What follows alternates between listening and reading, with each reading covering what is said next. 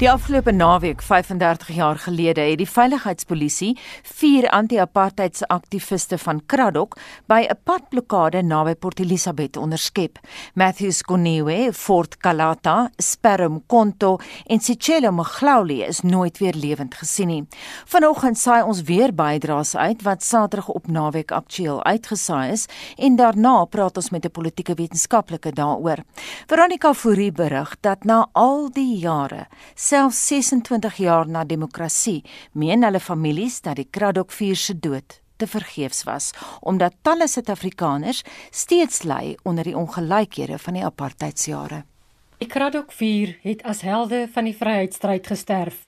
Hulle het met hulle lewens geboet vir die vryhede wat vandag geniet word. Hulle het die onderdrukking beleef en dit was hulle passie om dit te beveg. Maar die toestand van honderde dorpe in die land, soos Kraddock, laat die families van die vier teleurgesteld. Fort Kalata se weduwee, Nomonde Kalata, sê dis hartseer. It's so hurtful to realize in these 35 years that my husband have passed away.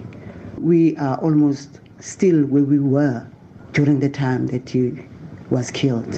We had hopes that when we went into democracy that things will change. There's a, a little change. In Craddock, actually, there's no shacks anymore. They build houses. The houses are nothing better than the shacks that they used to live in. Fort Kalata en Matthew Koniwe was albei onderwysers. Hulle was gewilde gemeenskapsleiers op Craddock en hulle veral beywer vir gelyke onderwys vir almal.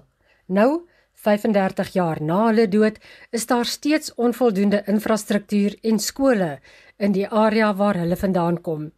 Kalata sê daar is 'n gebrek aan ontwikkeling in die dorp. What is frustrating is that Craddock is like not moving forward because there's a lot of poverty, there's a lot of people who is suffering and the schools are not upgraded in the good standard and my husband and with Matthew Goniwa, they were so much good leaders.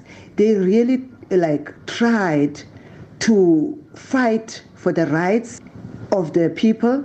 Sparrow Mkonte wou 'n alliansie vorm om die kwessies van onderdrukking te beveg, maar sy weduwee Sindiswa Mkonto stem saam met weduwee Nomondo Kalata. There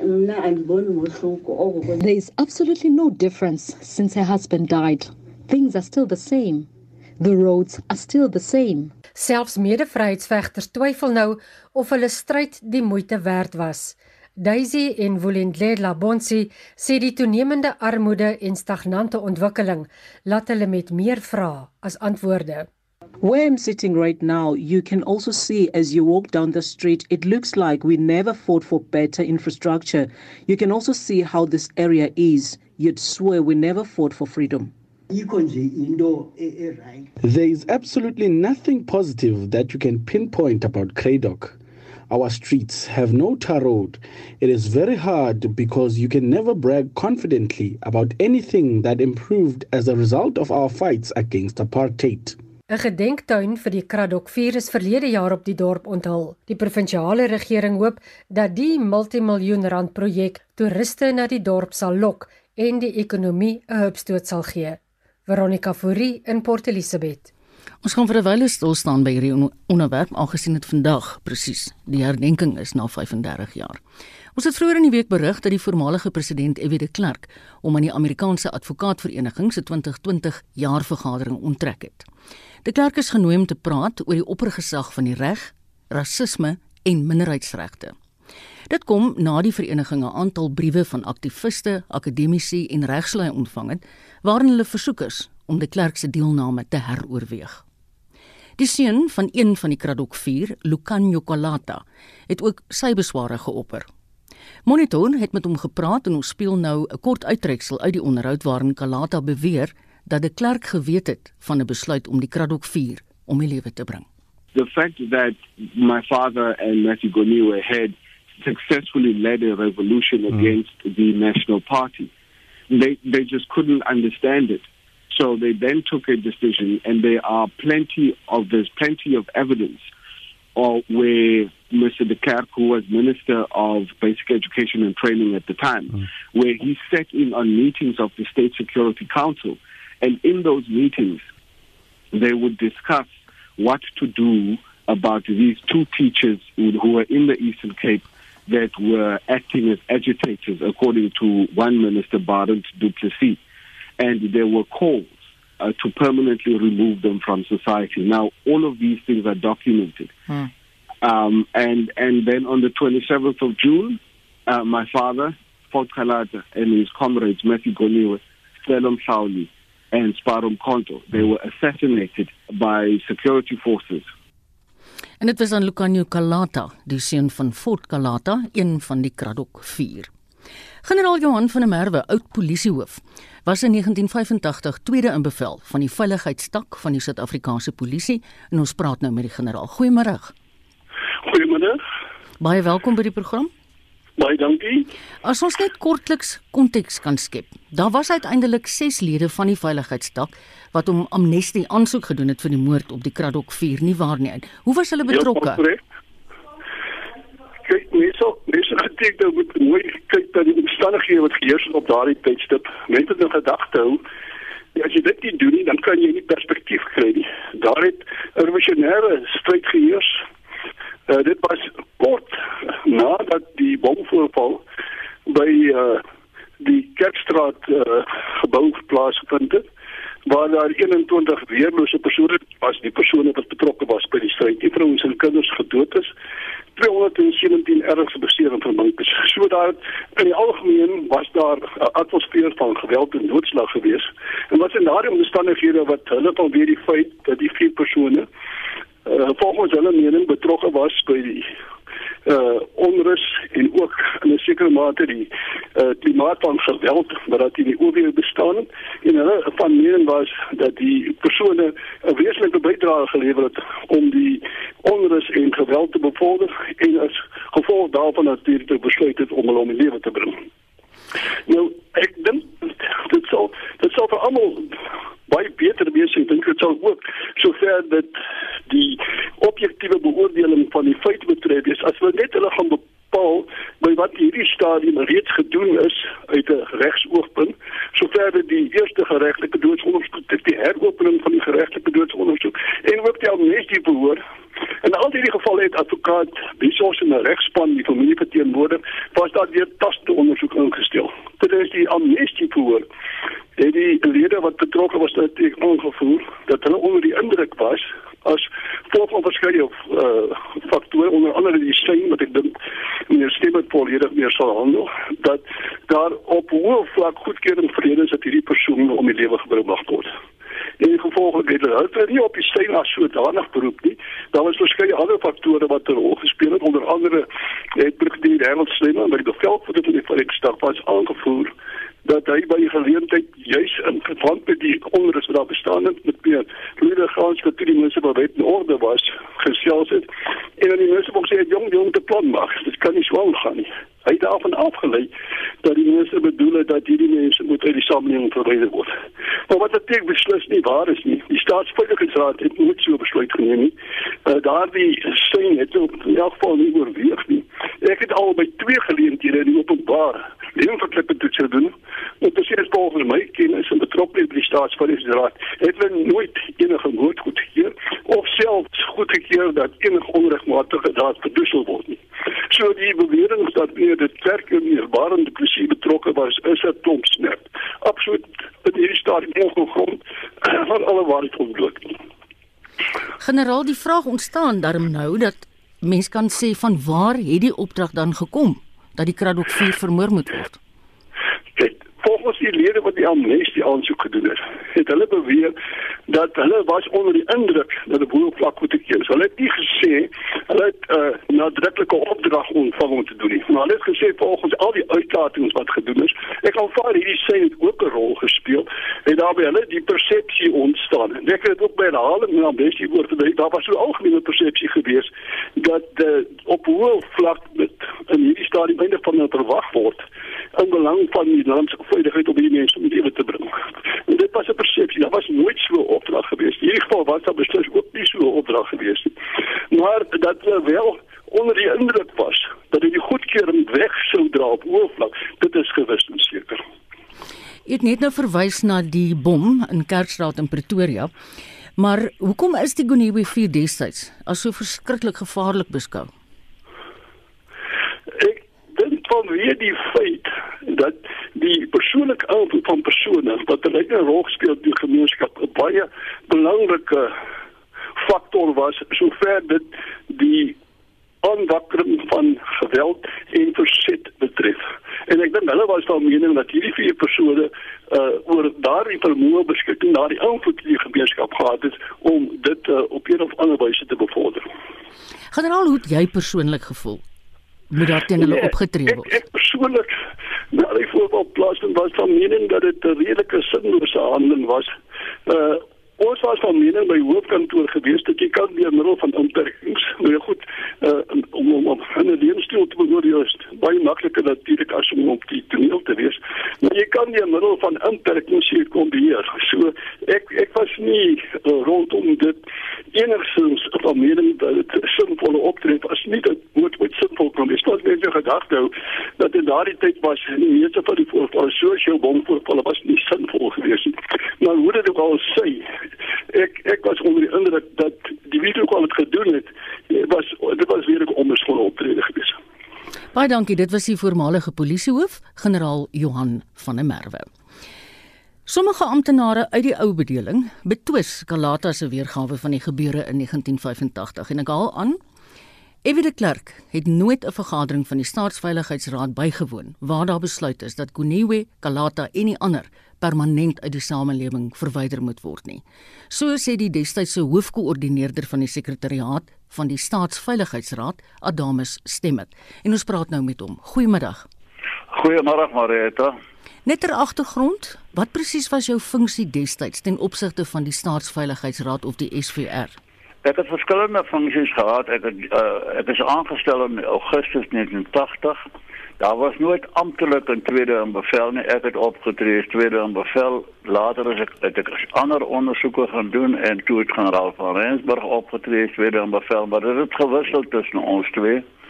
Uh ek kan nie presies onthou wie was was hy die, die baas of ek in, in 1985 nie, maar dit maak eintlik nie saak nie. Ons twee het baie goed saamgewerk, maar wel ek was in beheer van 'n groot deel van die S uh die SSVR sekretariaat van die staatsveiligheidsraad en hy was die hoofstrateeg geweest. Wat was die doel destyds van die SVR? Die doel van die SVR volgens die wet van die wet 64 van 1972 is om die regering te bedien met advies oor veiligheid. En wie het gewoonlik hierdie SVR vergaderings bygewoon?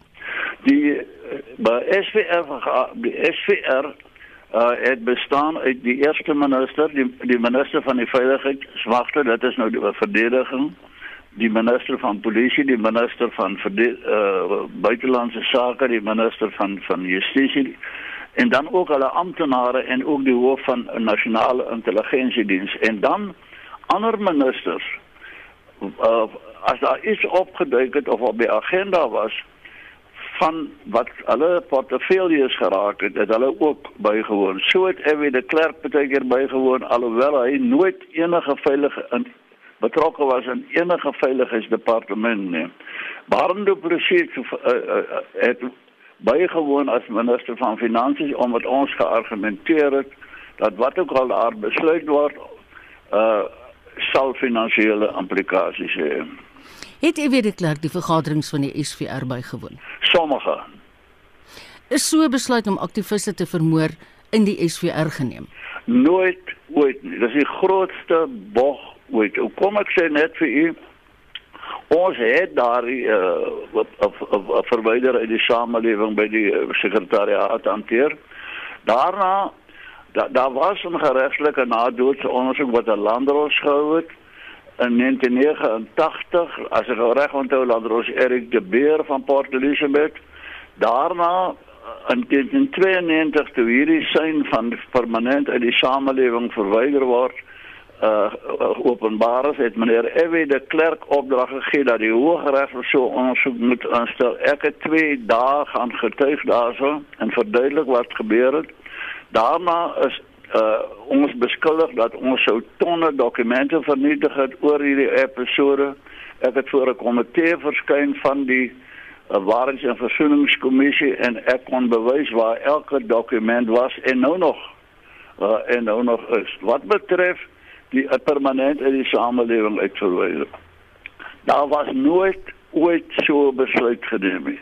Dit sou absoluut gek wees dat daardie aanbeveling dit is terminologie van onderwys en opleiding. Wat terloops meneer De Klerk was nooit die minister van uh, onderwys en opleiding soos meneer uh, Kalata Junior uh, beweer nie.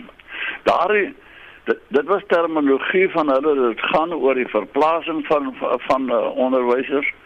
Daardie aanbeveling het gekom van die hoof wat by ons beland uh, of is by ons ingevoer deur meneer Jaap Strydom van onderwys en opleiding. Hy het dit gekry van die streekhoof van onderwys en opleiding. Ek het sy naam vergeet, dis 'n dokter uh, uh, iemand. En hy het dit gestuur en ons het dit hanteer en ons was nog in 'n fasiliteeringsrol in die staatssekretariaat dat hanteer vir die polisie wat daar teen geskop onderwys en opleiding was ter gunste daarvan. En ons het dit ondersoek. En ons was nog besig daarmee toe die berig kom van van hierdie uh, moord. Die sein van die 7de Junie wat uh, kolonel Lourens du Plessis as ek reg onthou hy het onderteken. Hy was die sekretaris van die van die uh, gesamentlike bestuursentrum van Port Elizabeth.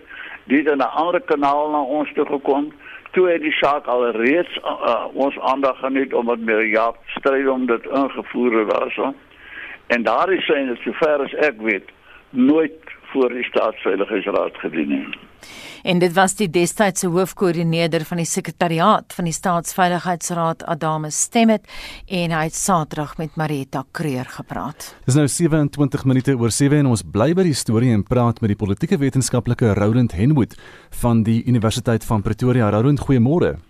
Goeiemôre Gustaf. Jy het nou na hierdie vorige bydraes geluister. Skep eers vir ons die politieke konteks van 35 jaar gelede en baie interessant hierdie storie van hoe die ou driekamer parlement gewerk het met meer as een minister van onderwys, né?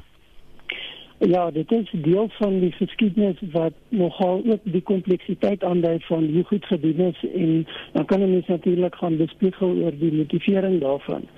Maar ek dink verder is by die institusionele kom, miskien nie die die die politieke omgewing.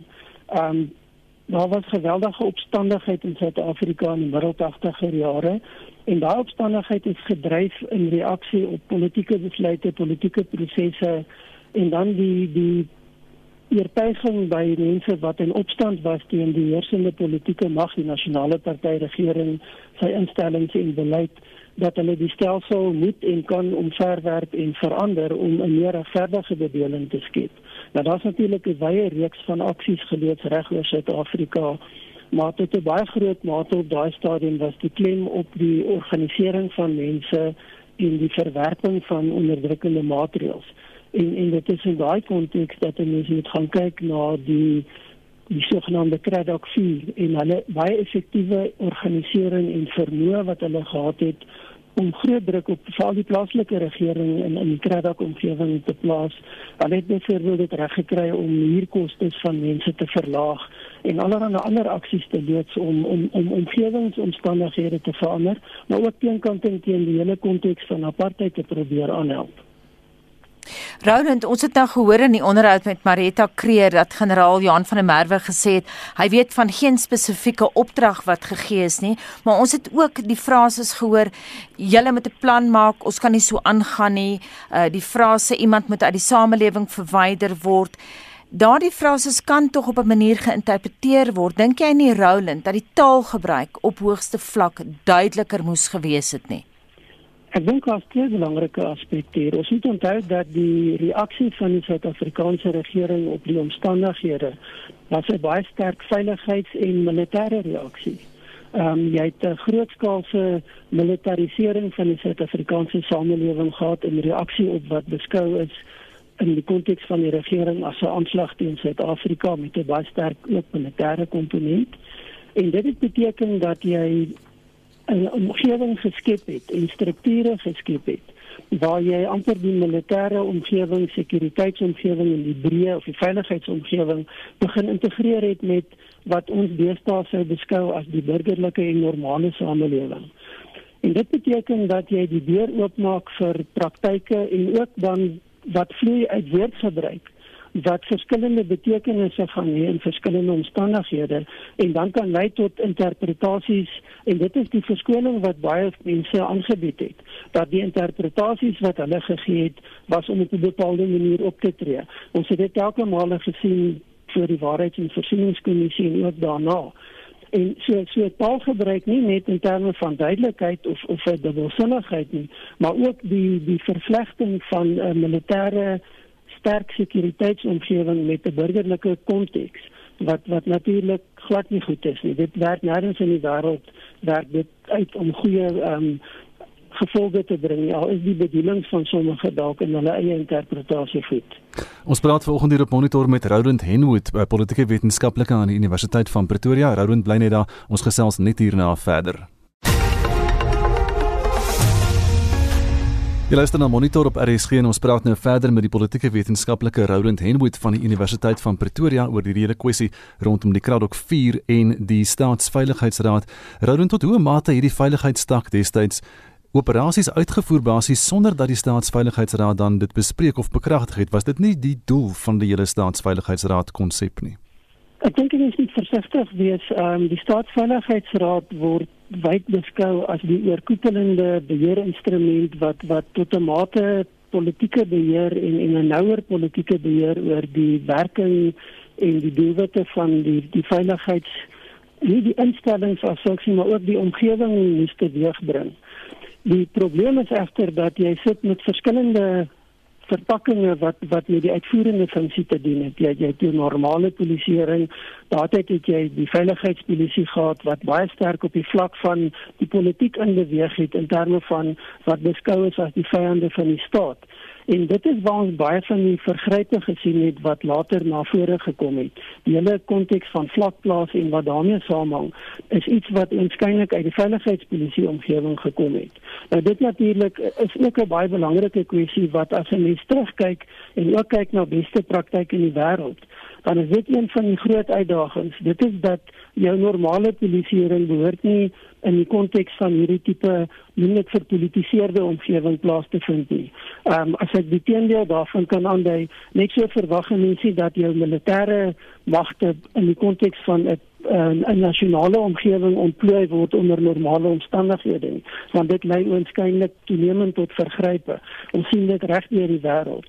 Nou ek sê dit nie as 'n verskoning nie, maar ek dink dit dui vir 'n mens op die kompleksiteite en dan die doel waarvoor instellings en organisasies geskep word en wanneer jy begin wegbeweeg van die kerndoel soos om kriminaliteit en en 'n veilige omgewing te funksioneer en al hoe meer in 'n verpolitiseerde omgewing te begin werk, dan vervaag die skeidslyne tussen jou aanvanklike doelwit en natuurlik dan ook die die die invloed van ideologiese en verpolitiseerde besluitneming. En ek dink dit lê ten grondslag van baie van dit wat ons sien as ons gaan terugkyk in die proses in in die geskiedenis van Suid-Afrika. Roland, jy sê nou die skeidslyne het destyds vervaag kan politieke leiers verantwoordelik gehou word vir gruweldade van daardie tyd of hulle nou direk of indirek betrokke was. Ek dink as twee beskouings daaroor. In Hebreë word dit aanvaar dat die leierskap, het sy dit militêr of polities of wat ook al, die fokus gaan wees. Behoort altyd verantwoordelikheid te aanvaar vir dit wat gebeur. Maar daar's natuurlik 'n redelikheidsbeginsel en dit is dat vir dit wat jy redelik kon voorsien en voorverantwoordelik beheer te wees. Die probleem is egter dat wanneer jy hierdie goed begin vermeng en daar 'n verwarring begin kom oor bevoegdheid oor die die um, interpretasie van beleid en besluite, dan raak dit baie moeilik om verantwoordelikheid te gaan bepaal of te gaan ontken. En ek dink dit bring die tweede konteks. As jy mens terugkyk in die geskiedenis, dan lyk dit asof daar nie werklik die tipe ehm um, veiligheidskleppe ingebou is in besluitnemingsprosedures nie en dat daar eintlik tot 'n baie groot mate 'n vrye hand toegelaat is aan mense om self op 'n baie lae vlak besluite te neem wat baie ernstige gevolge sou inhou vir individue en dan as 'n mens die kollektief hiervan bymekaar sit op die langtermyn vir Suid-Afrika. Daar was natuurlik nie altyd die sensitiwiteit vir die die konteks en die gevolge nie. En dan natuurlik moet ons onthou dat ons kyk vandag terug na 'n omgewing waar die hele konsep van menseregte tot 'n groot mate geïgnoreer is. Dit het nie regtig bestaan nie. Ehm um, en en dit tot 'n baie groot mate ontken in die, in die besluitnemingsprosesse in Suid-Afrika. So so jy kyk terug na 'n omgewing wat totaal anders was. Ehm um, en dan sien jy die brutaliteit daarvan, jy sien die onreg daarvan en jy sien ook die die die mislukkings en die foute wat as dit ware ingebou is in hoe prosesse bestuur en besluite geneem is. Roland F. de Klerk skryf in sy boek uh die laaste trek dat ehm um, dat een van die dinge waaroor hy spyt is is dat hy nie meer waaksaam was in die staatsveiligheidsraad nie. Is dit uh, kan mens aanvaar wat Adamus ook nou gesê het dat ehm um, daarvan daardie ministers was burgerlike ministers wat nou en dan ingekom het in die vergaderings wat nie heeltemal geweet het presies wat daar aan die gang was nie. Ek dink daar is 'n baie sterk saak uit te maak en ek gaan nie oor individue uitlaat nie, maar daar is 'n sterk saak uit te maak dat nie almal ewe opgewig was van alles wat gebeur het nie en ek dink ons het dit gesien in Hebreë hoe meer getuienis vir die waarheids- en versoeningskommissie uitgekom het hoe meer was Suid-Afrikaners geskok oor dit wat hulle gehoor het so ek dink daar is so 'n argument Ehm um, ek dink ook egter daar is 'n argument dat dit gemaklik was vir baie mense om nie betrokke te raak by alles nie. En daardeur sê ek nie dat dit noodwendig met opset gedoen is nie, maar dit was net die eenvoudig die gang van sake. En dan die kwessie dat mense te veel vertroue miskien plaas in die prosesse en die mense wat hulle mee saamwerk of wat hulle dalk nie noodwendig goed ken nie, maar meer vertroud is in die breë en en en daar's amper 'n arrogante sekerheid dat die regte goed sal gebeur. Nou ons weet vandag in Suid-Afrika dat daar geen manier is wat jy daai tipe argument kan aanvaar en gebruik nie, want dit werk net eenvoudig nie so nie. So daar's waarskynlik 'n groot klomp faktore wat rondom persoonlikheid, rondom verwagting, rondom bepaalde vlakke van aanvaarding bestaan het wat baie duidelik nie so aanvaarbaar gewees het nie. Kom ons kyk na vandag. Jy het net nou verwys na die feit Roland dat daar nie veiligheidskleppe ingebou was nie.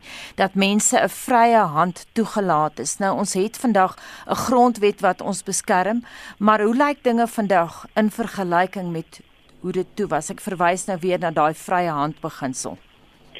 Ek dink daar's 'n baie groter mate van regulering op 'n positiewe manier, nie 'n onderdrukkende regulering nie. Daar's 'n baie groter mate van bewustheid en dan is daar 'n baie belangrike konteks wat in ons grondwet ingebou is en dit is die feit of wat vanuit ons grondwet stryd. En dit is die feit dat dat elke persoon het die reg om wat genoem word 'n onwettige opdrag te ignoreer en jy kan nie daarvoor vervolg word nie. Nou goed, dit is nie 'n waarborg dat niks ooit kan verkeerd gaan nie. Um, ons kan maar net terugkyk na die afgelope inperkingstydperk in Suid-Afrika om te sien hoe maklik dinge nog steeds kan skeefloop en hoe daar nog steeds besluite geneem kan word op die ingewing van die oomblik wat dramatiese gevolge het en wat lewensverlies tot gevolg kan hê. Nou daardeur wil ek nie die gebeure van die middel 80 gelykstel aan wat in 2020 in Suid-Afrika gebeur nie. Maar ek dink wat jy net daai moet leer is dat dit baie maklik om in 'n omgewing te funksioneer en te dink dinge gaan uitwerk en dan gebeur dit nie. En dit is hoekom jou regulatoriese konteks, jou opleiding van mense en jou beheer van mense so geweldig belangrik is. En ek weet nie of ons nog steeds in 2020 in Suid-Afrika genoegsaam sien dat leiers verantwoordelikheid aanvaar. En daardie bedoel ek nie die president nie. Ek praat van regdeur die struktuur ook in die burgerlike samelewing dat daar genoegsame verantwoordelikheid aanvaar word en genoegsaam aandag gegee word. Aan hoe hanteer ek moeilike situasies waar dinge dalk kan skeefloop nie? Jy praat nie in daai ja. manier dink nie. Dan gaan jy telkens hierdie tipe probleme kry wat herhaal. Jy praat nou so van die verantwoordelikheid en die verantwoordbaarheid. As jy nou 'n oordeel moet vel, hoe suksesvol was daardie amnestieproses van die laat 90er eh, jare met die waarheidskommissie? Daar's baie kritiek gewees daarteenoor van van alle kante af. Ja, dis dis moeilik om om 'n uh, eenduidige antwoord te gee. Ek dink daar was groot suksesse en daar's baie bereik met die waarheids- en versoeningskommissie, maar daar was eweneens groot mislukkings geweest. En ek dink die twee aspekte wat uitstaan is dat baie van die aanbevelings van die Waarheids- en Versieningskommissie nooit regtig gelei tot verdere optrede nie en dit het natuurlik die verwagtinge van 'n groot klomp mense erg frustreer. En dan saam met dit in die breër konteks, die feit dat mense nou terugkyk en sê maar eintlik het niks vir ons verander nie. En dan begin jy die verwyte en en en, en die ander ehm um, emosionele reaksies kry wat daarmee saamgaan. Die ontligtering van 'n groot klomp mense in Suid-Afrika is werklik.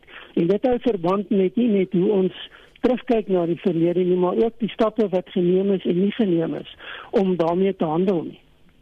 Roland baie dankie die politieke wetenskaplike Roland Henwood verbonde aan die Universiteit van Pretoria. Monitor het 'n klagte van die 58-jarige Ronel Harris van Durban gekry wat kla oor SASSA. Nou ons het die uh, klagte opgevolg en SASSA se woordvoerder Paseka het Satsi gekontak om kommentaar te lewer op haar klagtes, maar uh, hy het tot nou toe nog nie gereageer op 'n versoek tot 'n onderhoud nie. Intussen het ons jou die luisteraar gevra, het jy enige probleme en klagtes oor SASSA? Kom ons hoor wat jy te sê het. Ek is Susan van Strysbaai. Ja, ek is ook gedien klein met daai en 350 ehm um, sassa wat hulle vir ons sou betaal het. Hulle sê ek kry inkomste, ek kry ook nie inkomste nie. Ek wil ook graag weet hoekom is ek gedien klein want ek het nog nooit het ek eers UIF getrek nie. En uh, ek sit sonder werk. En ja, en ek moet ook ehm um, by my blyplek uitgaan want ek kan nie betaal nie. Ja, ek net sê myne is ook net afgekeer.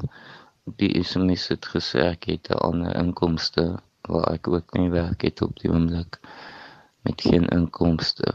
So ek kon dit ook nie verstaan nie. En ja, hier sukkel om enige antwoorde te kry. Is Janine Groenewald. Ek het geluister na die dame wat die probleem met Sassa het. Ek sit met dieselfde probleem. Ek's 50 jaar oud.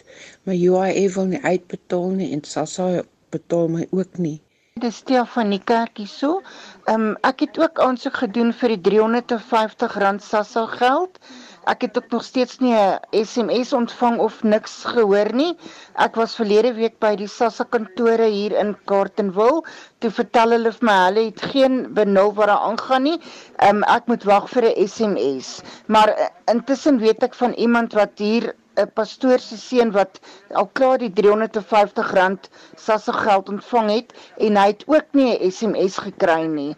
Ek is 50 jaar oud, ek kan ook nie werk nie as gevolg van hartversaking goed, maar ek ontvang geen SASSA geld nie omdat hulle vir my laas gesê het ja, my hande maak keer niks nie, ek kan werk. Jy luister na Monitor op RSG so 16 minute voor 8 en talle van die wêreld se grootste maratons is gekanselleer te midde van die koronavirus pandemie terwyl virtuele wedlope nou die inding is. En ons praat hier oor met die atletiekskrywer en statistikus Reël Houman. Reël, goeiemôre. Goeiemôre Gustaf. Watter groot internasionale wedlope is wel gekanselleer? Wel van die grootstes ehm um, New York, uh, die New York marathon wat op 1 November sou plaasvind Dit is die grootste maraton in die wêreld met verlede jaar meer as 53000 atlete wat dit voltooi het en dit sou uh, vir jaar die 50ste een gewees het. Dan die Berlyn maraton wat in September sou plaasvind wat verlede jaar meer as 44000 atlete gehad het en dan baie interessant die Boston maraton die oudste in die wêreld wat uh, vir jaar vir die eerste keer sedert 1897 uh, gekanselleer is. Hy het dwars deur albei wêreldoorloë hy plaasgevind en hy is nou gekanselleer. En dan 'n baie uh, uh, interessante ander wedloop, die New York se mini 10 km wat in 1972 die eerste wedloop was wat net vir vroue aangebied is en wat daarna die weggebaan het vir die eerste Olimpiese maraton vir vroue in 1984 hy se kanselleer en dan hier by ons in Suid-Afrika hmm. uh die ou Mutual Soweto Marathon wat ook op 1 November sou plaasvind soos New York en dan die ehm uh, Sanlam Kaapstad Marathon uh wat op 18 Oktober sou plaasvind. Hy gaan wel voort as 'n uh, virtuele wedloop of wedloope. Daar's 'n marathon, 'n halfmarathon, 'n 10 km en 'n 5 km en dan natuurlik 'n bietjie vroeër in die jaar die Comrades is gekanselleer en ook die twee oseane ultramaraton. So dit is uh, wat wat padwetlope betref die grootes wat gekanselleer is. Uh interessant, tot dusver die Londen maraton Uh dit is uitgestel van April tot 4 Oktober. Op die oomblik vind hy nog plaas en ook die wêreld halfmaraton kampioenskap in Pole in Oktober. Dit gaan op die oomblik nog voort. So is daar 'n kans dat van hierdie gekanselleerde wedlope wel in 'n latere stadium kan plaasvind. Nee, ek glo nie. Hmm. Nee, hulle is uh, is so Soweto in in in Kaapstad en New York. Hulle is finaal uh, gekanselleer vir die jaar. As ek ek twyfel uh, dat hulle gaan plaasvind. Uh, die Olimpiese spele natuurlik ook uitgestel tot volgende jaar. Ehm um, op die oomblik die uh, wêreldatletiek se reeks diamantliga byeenkomste. Dit is nou baan baanbijeenkomste binne 'n hmm. stadion. Ehm um, dit uh, daar's vier van hulle gekanselleer, maar op die oomblik is daar twee wat nog voortgaan in Augustus. Uh een in Monaco en een in Stockholm. Ehm um, op die oomblik wel, hulle hulle gaan nog voort, maar ehm um, maar dis miskien ook maar net uh, teoreties. Ehm um, in in Julie maand eh uh, die ander diamantliga in Zurich dit gaan voort as wat hulle noem 'n vertoon by einkoms mm -hmm. so ek dink dit gaan wees soos die een onlangs in in Oslo waar daar 'n klein groepie atlete ek dink dit was 'n stuk of 40 atlete aan 'n paar nommers deelgeneem met top atlete weliswaar maar sonder toeskouers. Ja. So daar was 'n hele paar ehm um, atletiek byeenkomste reeds in in lande soos Finland, Slowakye, Swede en Switserland, maar maar dit is klein die inkomste en dit vind plaas sonder toeskouers. Ek dink ek dink dit is 'n manier van wêreldatletiek om ehm uh, te wys dat ehm um, daar wel nog atletiek is en dat dit miskien kan beter raak vorentoe. Hmm. Hoe werk hierdie virtuele wedlope wat nou maar as 'n plaasvervanger dien vir die ware Jakob in hierdie stadium? Ja, uh, byvoorbeeld met die comrades uh, uh, in uh, in Julie maand uh, twee weke gelede, uh, kon 'n mens enige afstand hardloop. Ehm um, jy kon kies 5 km, 10 km, jy kon die volle comrades hardloop en dan is die tye uh, daar's 'n uh, selfoon toepassings gewees. Dit gaan met die Kaapstad maraton ook so wees waar jy dan jou tye kan oplaai na die wedloop se webwerf en dit dien dan maar net daar as vergelyking met met wat jou vriende in Johannesburg of in Bloemfontein hmm. of waar ook al gehad het want dit is dit is bloot net um, virtueel dit is uh, En hoe voel jy oor hierdie wedlope? Uh, uh, uh, Gustav, uh, ek is maar 'n tradisionalis en en dit dit is nie vir my die ware Jakob nie, maar ek dink weer eens dit is dit is maar 'n metode van hierdie wedlope om te kyk of hulle nie iets kan red uh in in mense kan by mekaar bring nie net in dwars vir ons land nie maar maar ook hmm. dwars oor die wêreld. Mense want daar sou baie internasionale atlete aan die komreis kom deelgeneem en nou kan hulle minstens sien wat ander mense op daardie dag gedoen het oor dieselfde afstand. So dit is maar 'n uh, ek dink is maar 'n uh, uh, reddingsboei. En daar word dan geld ingesamel net vir COVID-19 noodleniging en so aan. Ja. Daar daar word geld ingesamel ehm um, om die waar te sê uh, daar was ook in in Amerika was daar 'n padjie 'n virtuele padjie toe waar daar prysgeld uh, op die spel was. Hmm. So dit is uh, dit het nou nog nie hier by ons gebeur nie. Dit gaan met die Kaapstad maraton so wees. Maar uh, uh, uh, maar ja, daar word wel geld ingesamel. Die die probleem met met uh, padjie toe, ek dink ek is dat die hele uh, padwetloop se sakemodel is daarop dat 'n groot aantal atlete word bymekaar getrek en hulle word blootgestel aan aan die borgers se se produkte en se advertensies. Ek wil dis hoekom daar borge is. En hierdie hele ding het nou het nou uitmekaar uitgeval want daar is nie meer groot groepe mense wat wat deelneem aan padwetloop nie. Real by by dankie die atletiek skrywer en statistikus Real Houman. 57 internasionale nuusgebeure. China het 'n omstrede veiligheidswet nou deurgevoer wat die land nuwe mag gee oor Hong Kong en uh, dit kan moontlik Hong Kong se vryheid ingedrang plaas. Ons het in die verlede 'n bietjie daaroor berig, maar daar is 'n nuwe dimensie daaraan en Essie de Klerk het vir ons die nuus. Goeiemôre. Goeiemôre Anita, die BBC berig China het verlede maand aangekondig hy sal die wet in werking stel wat enige daad van terrorisme of sameswering met buitelandse magte kriminaliseer. Dit kom na gewelddadige protesoptrede verlede jaar wat 'n pro-demokratiese beweging tot gevolg gehad het. Kritici meen die nuwe wet hou 'n beduidende gevaar in vir Hong Kong se identiteit en hulle waarsku dit sal Hong Kong se regsonafhanklikheid ondermyn en vryheid verwoes, voorregte wat nie in China beskikbaar is nie.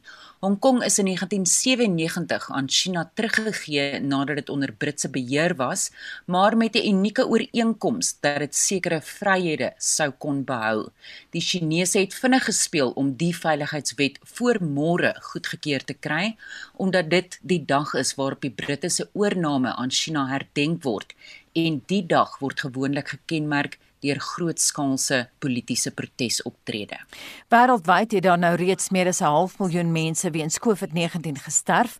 Volgens die nuusagentskap Reuters het daar in Junie alleen 'n gemiddeld van 4700 mense elke 24 uur aan COVID-19 verwante siektes gesterf. Ja Anita en anders gestel het daar in Junie elke 18 sekondes 'n persoon gesterf of was daar byna 200 sterftes elke elke uur.